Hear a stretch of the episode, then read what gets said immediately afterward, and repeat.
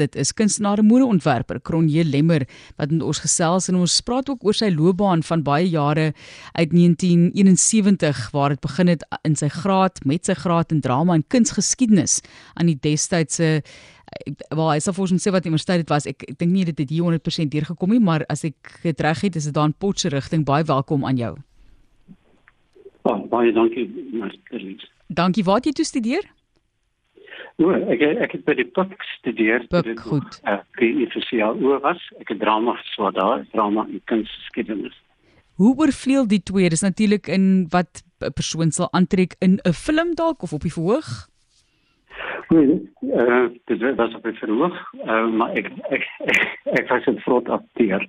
Maar ek uh, ek, ek kon vir die kostuums doen en die dekorontwerp en daai tipe van dinge en ek, en ek, ek kon vertolking doen maar nie as 'n ander karakter nie. Dit is altyd vir my baie interessant die feit dat daar dis iemand se werk om alle forme van mode of klere op 'n manier te spaar en te berg vir wanneer dit dalk iewers in die toekoms gebruik moet word. Ek dink baie keer ook aan motors en items soos faksmasjiene wat ons nou nie meer gebruik vandag nie wat iewers in die toekoms in 'n film gebruik moet word. Iewers moet dit gestoor word en beskikbaar wees om weer tentoongestel te word op die verhoog soos jy sê ook.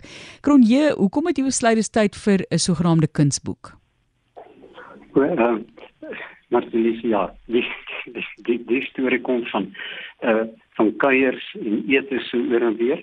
Ek ek kan vriende van my toe eendag toe toe sê hulle dogter uh um is ja Victor. Toe sê sy uh goed nou kyk sy sy sy haar uh meestersgraad in sosiale antropologie met sy met Wolf geslaag. Toe sê sy sê vir my kan ek ons 'n boek skryf? Dit klink vir my om 'n baie interessante lewe so in 2 jaar later daai het ons nou die boek Goed, so jy was nou nie baie goed in drama as akteur self nie en vertel vir ons oor die oorgang na mode en jou rol as modeontwerper. O, um, ek ek het van kleins af geweet ek ek ek gaan 'n modeontwerper wees. So dan ek ek ek, ek het popklere gemaak op my ma se singer handmasjien. En op so 'n so 'n manier het ek die popklere ingeskryf vir die Randse Paaskou toe wen ek al die pryse. Eerste, tweede, derde en 'n spesiale prys en toe die Transvaaler in die Landbouweekblad van, van my kinders mee. So en uh in later jare ook in my beroep, toe kom ek agter die drama het tog 'n invloed gehad want ek sien hom net die drama van die ander kant af. En ek sê vir die sien met partykeer die drama handig gekom. As jy mens praat van jou titels as kunstenaar en modeontwerper Kronje. Hoekom beide? Want baie kunstenaars kan modeontwerpers wees, baie modeontwerpers kan ook gesien word as kunstenaars um, in die bedryf. Vertel ons van daai wisselwerking as ro in rolle wat jy vervul het. O, um, die ek ek het nog altyd kuns as stokperd gehad en ek het in die institusie dat met die uh, my salon in Potch begin en wat ek in Pretoria. En uh toe die tye verander en soos my personeel of of uh, getroud is of oorlewe is en so aan het ek nie weer personeel aangestel nie. Ek ek het net gevat wat wat ek wat ek kan hanteer. En uh toe op op in die in die eerste dag het ek iets gesus by die pak uh, bygewoon. En dit Annelies Marie vir ons 'n demonstrasie kom gee in die kolografie as 'n uh, tegniek. In dit ek maar dit is wat ek wil doen. En ek het my ek het 'n industriële naaimasjien verkoop en dit dit was my presiese oorgang van iets pers. En ek moet vir sê die iets pers is die wonderlikste speelding wat ek in my lewe gehad het. En nou nog Kron hier is interessant die mense wat jy aangetrek het in die verlede in daardie periode van tyd die 70s en nou verder bekende plaaslike modeontwerpers, bekende vroue soos Krike Kesenkamp het jy aangetrek. Daar's verskeie ander. En dan het jy ook jou modes na die weermagbasis op Rokana geneem tydens die grensoorlog. En daar het jy verskeie modeparades aangebied by Oeverval. Dis 'n interessante uh, manier om ook jou mode tentoon te stel. Vertel ons van daardie era.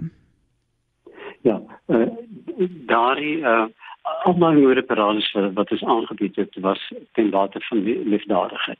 Of die burgemeester se vrou het ons genooi vir 'n moederparade en uh toe toe toe uh is ons genooi om uh op, op Ruakana uh terwyl daar oorlog aan die gang was. Die uh die bevelvoerder was uh, sy vrou Erika.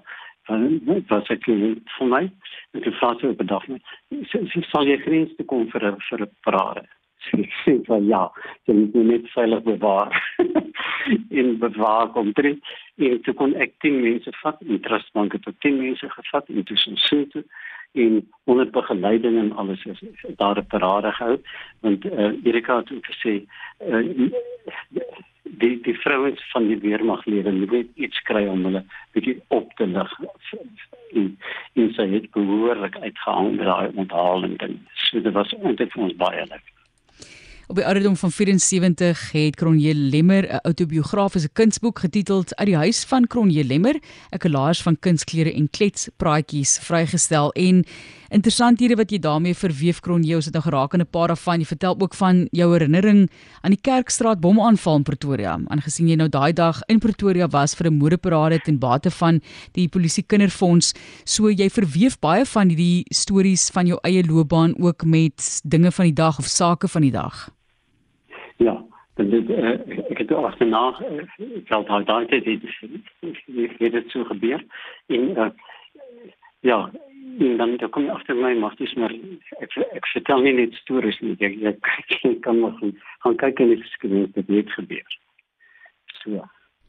Hier is ingeskakel by 360 soos jy hoor Kronje Lemmer wat met ons praat oor sy loopbaan as kunstenaar en modeontwerper. Kronje laastens net tye wat regtig vir jou uitgestaan het of spesifieke oomblikke of 'n spesifieke kunswerk waarop jy baie trots is. Kan jy vir ons 'n idee gee? O, ehm um, ek ek moet vir sê toe toe met my kolosofie uh as kunsmedium werk, dit ek wonderlike uitnodiging gekry om in Malta uit te stal, om in Berlyn as ek deur die burgemeester in van Berlyn vir 'n uitstalling en dit was vir 3 maande in Parys en by daai Okasie Kunstefees in Londen en daai ehm um, die die die, die kopers van die boek gaan daai stories nou baie mooi kan kan uh, volg van daardie wonderlike dinge gebeur op pad Okasie toe in Londen en ook in Berlyn. Ehm um, dan uh, as ek kom op 'n plek dan dink of ek genoeg is dan dink ek wat maak jy hier? Hoekom is jy hier? En dis 'n wonderlike storie van wat in, in Berlyn gebeur Ja. En dan lyn gebeur dit met die heel eerste gekoop. Ja. Kyk Ronje, ek vra toe nou vir Anton Goosen verlede week hoekom hy nog musiek skryf. Hoe hy's nou besig met 'n nuwe album. Hulle gaan nou binnekort die nuwe album opneem en hy's besig met sy produksie 77 Not Out. Maar jy's 74. Is jy nog aktief of is jy in 'n periode van jou lewe waar jy nou net lekker kan rus en kan fokus op die boek byvoorbeeld? Nee. Nee, so wie sê ek is nog wonderlik aktief want die mense vra van nou hoe kry jy dit alles te doen? Ehm um, want as ek wakker word die oggend kyk ek kyk wie sien nou vanmôre is dit die ramer of is dit die kunstenaar of is die fashion designer? So ek, ek kan kies en dit is my wonderlik. So iemand het vir my gevra, nou wanneer tree jy af? Dis sê kom ek hoop nie ek tree ek tree ooit af nie.